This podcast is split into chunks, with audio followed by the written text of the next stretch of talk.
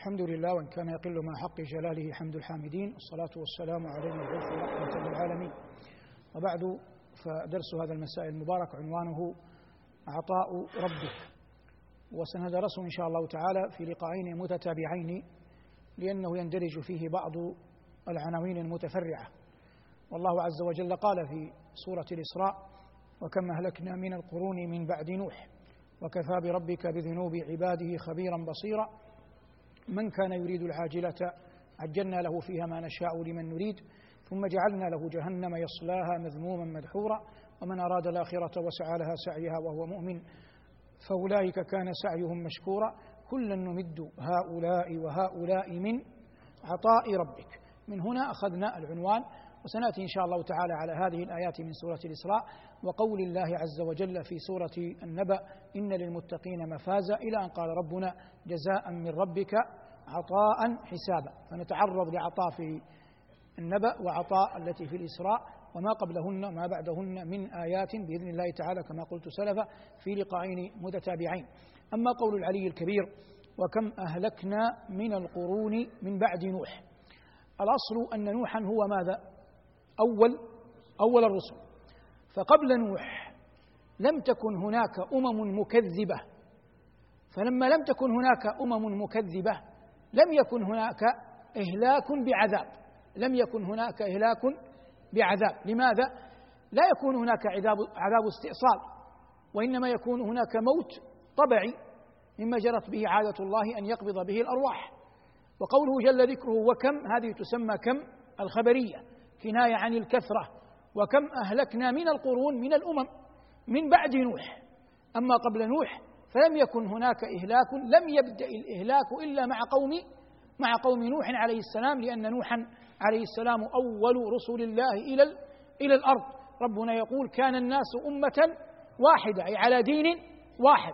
ثم لما كان الأنبياء والمرسلون قد بعثوا بعثوا بعد نوح عليه الصلاة والسلام. وكم أهلكنا من القرون من بعد نوح.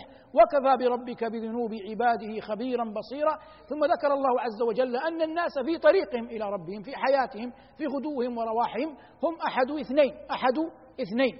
قال في الأول من كان يريد العاجلة عجلنا له فيها ما نشاء لمن نريد.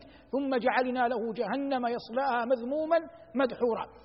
من كان يريد العاجلة المراد أنه أحد أحد هذين الاثنين لا هم له في الآخرة إما لعدم إيمانه به بها أصلا أو لضعف إيمانه بها لكن أن الحديث ينصرف إلى الكفار غير المؤمنين بالله واليوم واليوم الآخر. فقال ربنا من كان يريد العاجلة أي يريد الدنيا فهي مبلغ علمه ومنتهى همه وغاية مطلبه. من كان يريد العاجلة ما صنيعنا معه عجلنا له فيها ما نشاء لمن نريد فالتقييد هنا ينطبق على من؟ على اثنين على ماذا؟ على اثنين من هم الاثنان؟ عجلنا له فيها ما نشاء من الأشياء فكل ليس كل مطلوب طلبه نعطيه إياه اذا هنا القيد حاصل على من؟ على المطلوب لا على لا على الطالب حاصل على من؟ على المطلوب لا على على الطالب. ثم قال ربنا عجلنا له فيها ما نشاء. لمن؟ لمن نريد؟ لمن نريد هنا قيد على من؟ على الطالب. والمعنى حتى يظهر لك الكفار مثلا. بعضهم غير اليهود والنصارى اليهود والنصارى يؤمنون بلقاء بلقاء الله يؤمنون باليوم الآخر. وقالوا لن الجنة إلا من كان هودا أو نصارى. لكن فلنأتي برجل لا دين له لا يؤمن بالآخرة. أو يهودي ونصراني تبع لا يؤمن بالله ولقائه. يهودية محرفة أو نصرانية محرفة بالغة التحريف. المقصود هذا الرجل الكافر يقول لا أريد شيئا من الآخرة ولي مطالب دنيوية. فيوجد جم غفير من الناس هذا حالهم. فالآية ماذا تقول؟ تقول هذا الجم الغفير من الناس ليس كلهم نعطيهم ما يريدون. وليس كل من اصطفيناهم اخترناهم ارتضينا. أن نعطيهم نعطيهم كل ما كل ما يريدون واضح؟ فلا نعطيهم كل ما يريدون ولا نعطي كل أحد. ولكن مع ذلك لا يمنع من فضل الله أحد. لا كافر ولا ولا مؤمن لكن هذا ينزل بقدر. قال ربنا من كان يريد العاجلة عجلنا له فيها ما نشاء نحن. لمن نريد؟ نحن. كلها تعود على رب العزة رب العظمة والجلال. فقال جل وعلا ما نشاء لمن نريد. ثم جعلنا له أي بعدها تلك العاجلة جهنم يصلاها مذموما مدحورا. فأخبر جل وعلا أنه وإن أوتي شيئا من الحظ والنعيم الذي طلبه في الدنيا إلا أنه ليس له عند الله يوم القيامة شيء أبدا. فيوفى كل أحد عمل عملا حظه في الدنيا من أهل الكفر. قال ربنا ثم جعلنا له جهنم يصلاها مذموما مدحورا مذموما بفعله مدحورا بصنيعه وكل ذلك عائد إلى شركه وكفره بربه تبارك اسمه وجل ثناؤه. اذا صدر الآيات يتحدث عن حال أهل الإشراك. لما تحدث الله عن حال أهل الإشراك قابلهم بالحديث عن حال أهل الإيمان. فقال جل ذكره ومن أراد الآخرة وسعى لها سعيها وهو مؤمن. فذكر عز وجل كم شرطا شرطين الشرط الأول وهو مؤخر أن يكون مؤمنا. إذ لا يقبل الله من كافر عملا. والشرط الذي يليه بعد الإيمان أن يسعى للآخرة سعيها. فلا بد من سعي ولا بد أن يكون هذا السعي متابعة لنبينا وسيدنا وحبيبنا محمد بن عبد الله صلى الله عليه وسلم. وهذا الإيمان الذي جعله الله جل وعلا شرطا في قبول العمل ذكر كثيرا في القرآن. ربنا عز وجل يقول ومن يعمل من الصالحات من ذكر أو أنثى وهو وهو مؤمن. كما قال هنا ومن أراد الآخرة وسعى لها سعيها وهو مؤمن فأولئك كان سعيهم مشكورا. ومعنى مشكورا أن الله يغفر لهم السيئات ويضاعف لهم الحسنات. ثم أخبر عز وجل عن حال الفريقين. فأتى بالنون المسوى التنوين المسمى تنوين عوض قال كلا كلا من أهل العاجلة وأهل الآجلة. كلا نمد. من الذي يمدهم؟ رب العزة. أين؟ في الحياة الدنيا. الآن لا يتكلم ربنا عن الآخرة. سيأتي الحديث عنها تفصيلا. قال كلا نمد. هؤلاء وهؤلاء. فهؤلاء الأولى عائدة على من قال عنهم يريدون العاجلة. وهؤلاء الثانية عائدة على من يقال عنهم ومن أراد الآخرة. واضح. كلا نمد. هؤلاء وهؤلاء. من أين؟ من عطاء ربك. والله يقول عن خزائنه ما عندكم ينفد وما عند الله باق. وقال وإن شيء إلا عندنا خزائنه. وقال وهو أصدق القائلين. قل لو أنتم تملكون خزائن رحمة ربي إذا لأمسكتم خشية الإنفاق وكان الإنسان قتورا. وهذا حرمناه في دروس سلفت في العام الماضي. نبقى هنا. قال ربنا كلا نمد هؤلاء وهؤلاء من عطاء ربك. وما كان عطاء ربك محظورا ما هذه نافية تخبر أن الأصل أن الله عز وجل يعطي ولا ريب أنه لا أحد يعطي أعظم من الله بل كل واحد يعطي إنما يعطي أصلا بعطاء الله عز وجل له. وقد جرت سنة الله في خلقه. أنه عود أقواما على عطايا يعطيها إياهم. وجعل في قلوبهم عادة أنهم يعطون بعض من حولهم. فإذا قطعوا عمن حولهم ما عودوهم إياه قطع الله عنهم عادته. قطع الله عنهم عادته. ولذلك عظم في القرآن ذم البخل والشح. الله يقول ومن يت ومن يوق شح نفسه فأولئك هم المفلحون.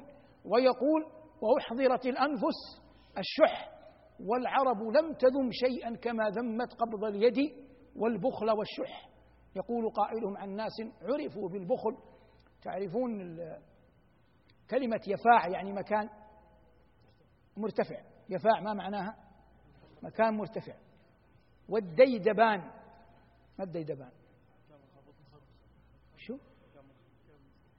لا مكان منخفض لا. الديدبان من يأتي على المكان المرتفع فيراقب. يراقب من.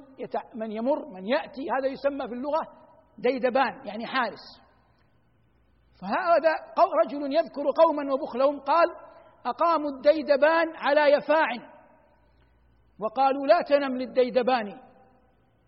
ثم ذكر بيتا لا يحسن قوله ثم قال تراهم خشية الأضياف خرسا يصلون الصلاة بلا أذان.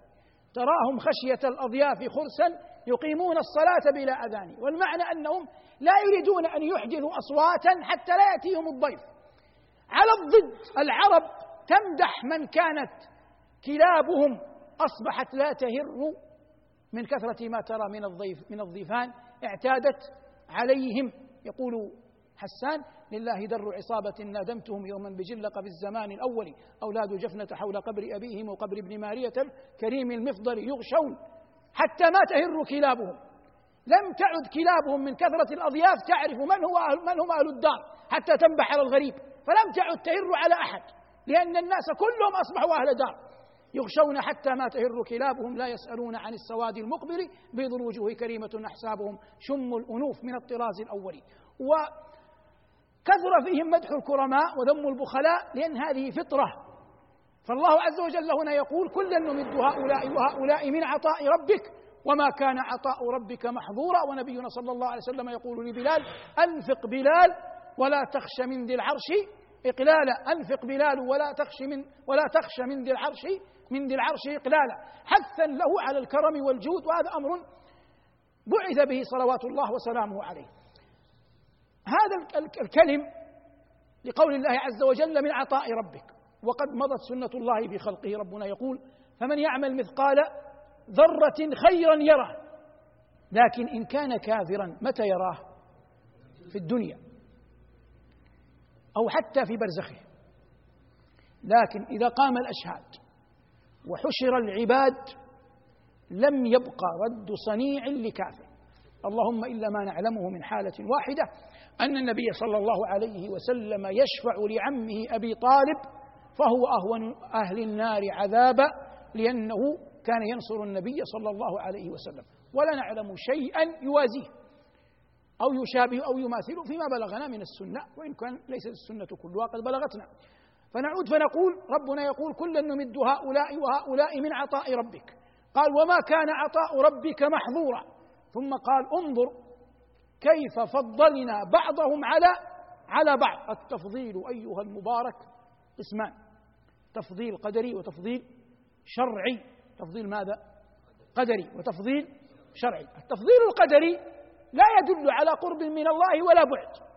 ويدل عليه قول الله عز وجل فأما الإنسان إذا ما ابتلاه ربه فأكرمه ونعمه فيقول ربي أكرمن وأما إذا ما ابتلاه فقدر عليه رزقه فيقول ربي أهانا فليس السعة في الرزق ولا الضيق في الرزق دلالة على المنزلة عند من؟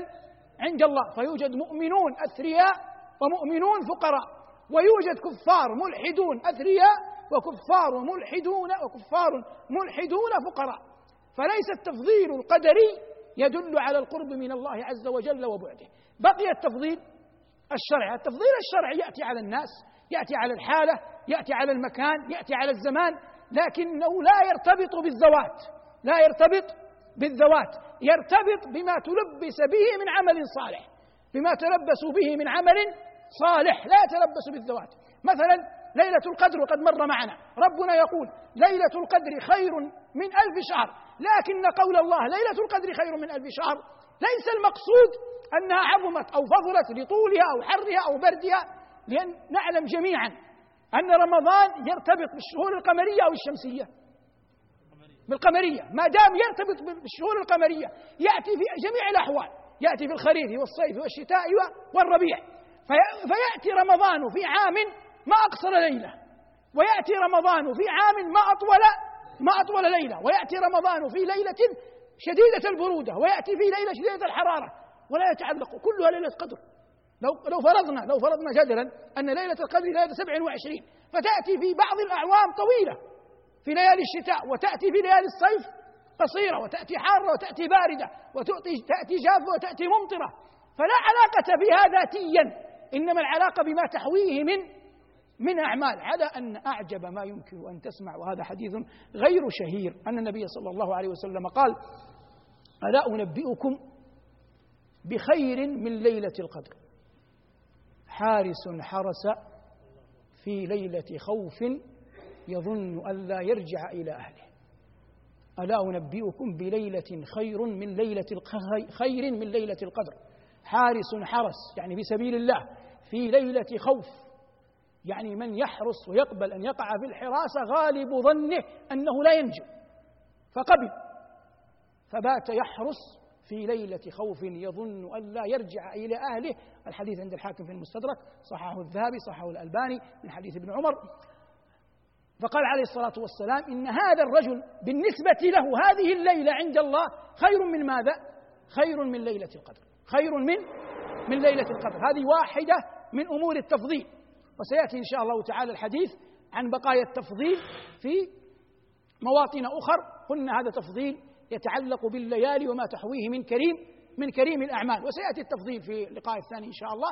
والحديث عن قول الله جل وعلا إن للمتقين مفازا حدائق وأعناب وكواعب أترابا. وصلى الله على محمد وآله والحمد لله رب العالمين. وأشهد أن لا إله إلا الله وحده لا شريك له. وأشهد أن سيدنا ونبينا محمدا عبده ورسوله. صلى الله عليه وعلى آله وأصحابه وعلى سائر من اقتفى أثره واتبع هديه بإحسان إلى يوم الدين أما بعد فكنا قد انتهينا في اللقاء الماضي ونحن نتحدث عن عنوان عطاء ربك وقلنا إن هذا الدرس والعنوان يحتاج إلى لقاءين مضى أحدهما وها نحن نشرع بحمد الله في هذا المساء في اللقاء الثاني.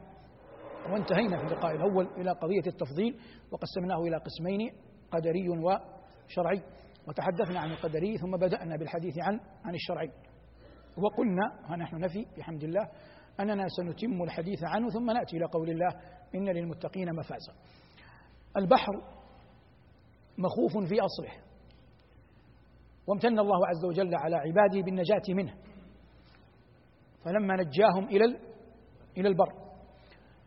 ولهذا قال عليه الصلاة والسلام في باب التفضيل الشرعي قال المائد في البحر له أجر شهيد.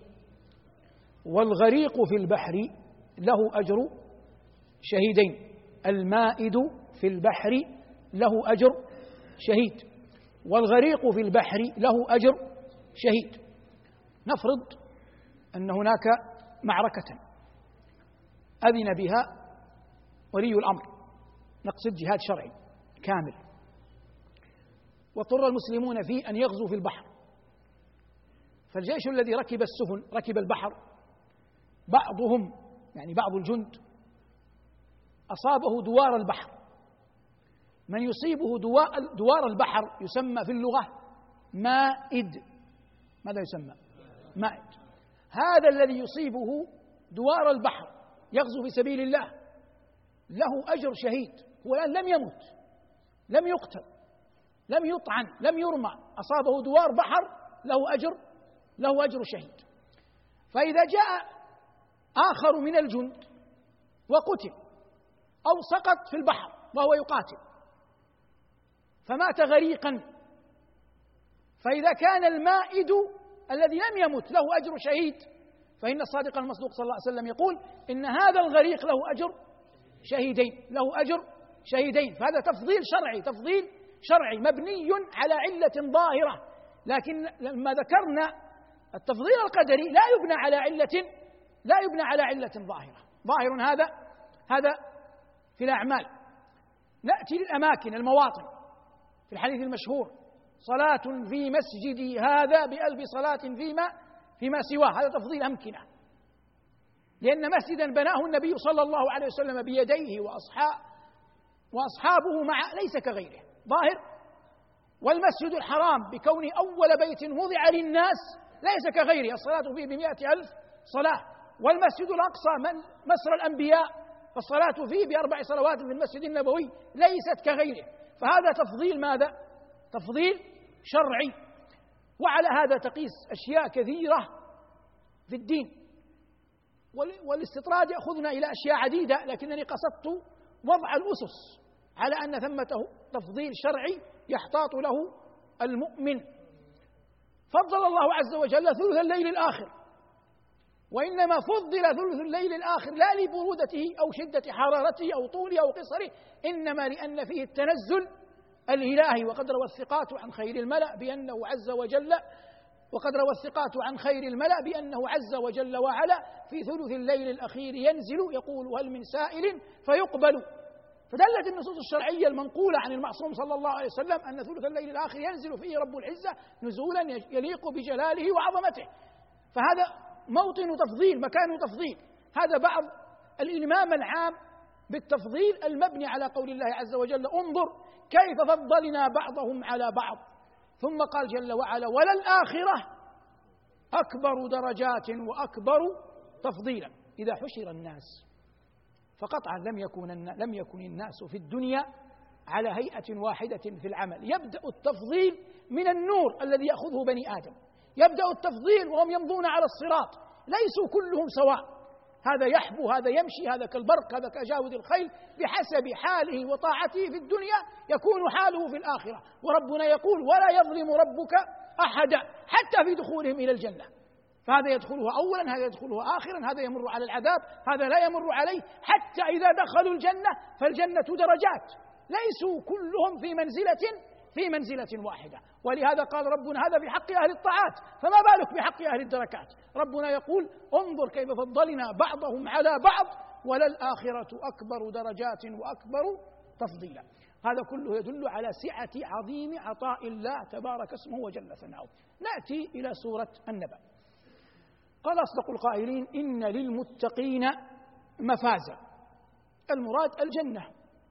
فذكر الفوز حتى يغيظ أهل الكفر حتى يغيظ أهل الكفر. فعبر بالمكان عن الجنة بقوله مفازا حتى إذا تلاها الكافر غير المتقي يصيبه شيء من الغيث إن للمتقين مفازا حدائق وأعنابا حدائق جمع حديقة وأعنابا جمع عنب. هذه ظاهرة مرت كثيرا يتكلم جل وعلا القرآن يتحدث عن ما في ما في الجنة من زروع وأنهار وغير ذلك. وهذا ذكره الله تبارك وتعالى في كثير من آيات كتابه. حدائق وأعنابا إن للمتقين مفازة حدائق وأعنابا ثم قال وكواعب أترابا. هنا يعني أنخ مطاياك يعني ذهنك. كواعب جمع. جمع ماذا؟ كاعب. الكاعب الفتاة في سن السادسة عشر تقريبا إذا تكعب ثدياها ثم قال رب العزة أترابا. أترابا يعني ماذا؟ متساوون. لكن قد يأتي قائل ويقول متساوون في السن. وهذا صحيح. لكن أهم منها أن تعلم أنهم متساوون حتى في الجمال. حتى حتى في الجمال. لماذا هم متساوون في الجمال؟ ولله المثل الأعلى نبقى في الدنيا. نعود قليلا للدنيا. وأن رجلا متزوج من امرأتين جميلتين لكن إحداهما أجمل من الأخرى. واضح؟ فهو وإن سر برؤية الأقل إلا أنه إذا رأى الأخرى الأجمل يصبح أشد سرورا. فلو فرضنا بشر كان في مجلس التي هي أشد جمالا ثم انتقل إلى الأقل جمالا. ما الذي يحصل؟ السرور ماذا يصبح؟ يقل. واضح؟ عقلا يعني يقل. واضح هذا؟ واضح ما يرتب في أحد. هو لا يبغضها لا يكرهها لكن لا يبلغ سروره. مبلغ الأولى مبلغ من كانت شد جمالا. ظاهر هذا؟ لو قدرنا أن نساء الجنة يتفاوتن في الجمال فإنه إذا انتقل من الحسن من الأحسن إلى الحسنى ماذا يصبح؟ سيقل ماذا؟ سيقل السرور وليس في الجنة قلة ولا نقص واضح؟ وليس في الجنة قلة ولا نقص هذا يجري في الدنيا نعم لكن ما يجري في الآخرة فلذلك قال عز وجل إن للمتقين مفازا حدائق وأعنابا وكواعب أترابا ثم قال وكأسا دهاقا أي خمرا إلا أن خمر الآخرة ليس فيها من منغصات خمر الدنيا شيء. ثم قال لا يسمعون فيها. أي في الجنة. لغوا ولا كذابا. إذا بدهي كلما فررت بدينك بنفسك بروحك من مجالس اللغو والكذب كنت أهلا لدخول أهلا لدخول الجنة. لأن من يريد الجنة يبحث عن المجالس المشابهة لمجالس الجنة. ومجالس الجنة ذكر. دعواهم فيها سبحانك اللهم وتحيتهم فيها سلام وآخر دعواهم أن الحمد لله رب العالمين. فمن أراد الجنة يبتعد عن مجالس الكذب واللغو لا يسمعون فيها لغوا ولا كذابا. ثم قال أصدق القائلين تبارك اسمه وجل ثناؤه جزاء من ربك عطاء حسابا. لو وقفنا عن جزاء لوحدها ولم نأخذ عطاء الجزاء معاوضة. هناك عمل وهناك جزاء له. لكن قال رب العزة جزاء من ربك عطاء. لما قال عطاء فهمنا أن العطاء الإلهي أعظم من العمل الذي قدمناه. واضح؟ ليس ليس متكافئين. لو قال جزاء يحتمل أن يكون أن يكون متكافئين. لكن لما قال جل ذكره عطاء جزاء من ربك عطاء حسابا. فهمنا من كلمة عطاء أن هذا العطاء الإلهي الذي هو الجنة. وما يتبعها من نعيم عظيم مقيم أجل وأعظم من من العمل وأوفر من العمل الذي قمنا به في الدنيا. وهذا لا يرتاب فيه أحد بل إننا نعلم أننا والله ما عبدنا الله إلا بتوفيقه. ما عبدنا الله إلا بتوفيقه. وقد مر معكم كثيرا أن من ملائكة الرحمن من هو ساجد منذ أن خلق. فإذا كان يوم القيامة ورفع رأسه ورأى وجه العلي الأعلى قال سبحانك ما عبدناك حق حق عبادتك. قال هنا جزاء من ربك عطاء حسابا. لما قال من ربك يتساءل القرشيون يسمعون القرآن من ربك؟ فيأتي الجواب في الآية التي بعدها رب السماوات والأرض وما بينهما الرحمن لا يملكون منه خطابا. قال الرحمن هنا حتى يكون فيها باعث للمؤمنين على العمل. هذا واحد. لماذا قال الرحمن؟ حتى يكون باعثا للمؤمنين على العمل. وفيها غيظ للكافرين. من أين أتى الغيظ للكافرين؟ لأن أهل الإشراك قريش المخاطبة في القرآن أولا لم يكن يؤمنون باسم باسم الرحمن. الله جل وعلا عنهم جل وعلا قال عنهم وإذا قيل لهم اسجدوا للرحمن قالوا وما الرحمن؟ نسجد لما تأمرنا وزادهم نفورا. فمن أعظم أسمائه ولهذا قال عليه الصلاة والسلام أحب الأسماء إلى الله عبد الله وعبد الرحمن. قال جل وعلا هنا رب السماوات والأرض وما بينهما الرحمن لا يملكون منه خطابا. لا هم ولا ولا غيرهم. وتلمس آيات القرآن بمثل هذه الطرائق إذا أذن الله لك يزيد من إيمانك. مثلا المؤمن مندوب شرعا سنة كما قال نبينا يقرأ آية الكرسي دبر كل صلاة. ولا أظن مسلما حتى والحمد لله أبناء المسلمين في الشرق والغرب يحفظون آية الكرسي. الله يقول فيها الله لا إله إلا هو الحي القيوم. لا تأخذه سنة ولا نوم له ما في السماوات وما في الأرض. من ذا الذي يشفع عنده إلا بإذنه يعلم ما بين أيديهم وما خلفهم. ولا يحيطون بشيء من علمه إلا بما شاء. وسع كرسيه السماوات والأرض. ثم قال ولا يؤوده حفظهما. ما معنى ولا يؤوده حفظهما؟ أي ولا يعجزه حفظهما. كيف تفهمها؟ كيف تعينك أن تقول في نفسك إذا كان الله لا يعجزه أن يحفظ السماوات والأرض فمن باب أولى أن لا يعجزه أن يحفظني. واضح؟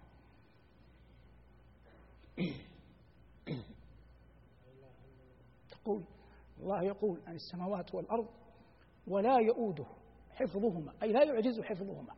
فأنت وأنت تتمثل معنى الآية تريد أن تفقهها تقول في نفسك على يقين تعلم يقينا أن الله لا يعجزه أن يحفظ السماوات والأرض.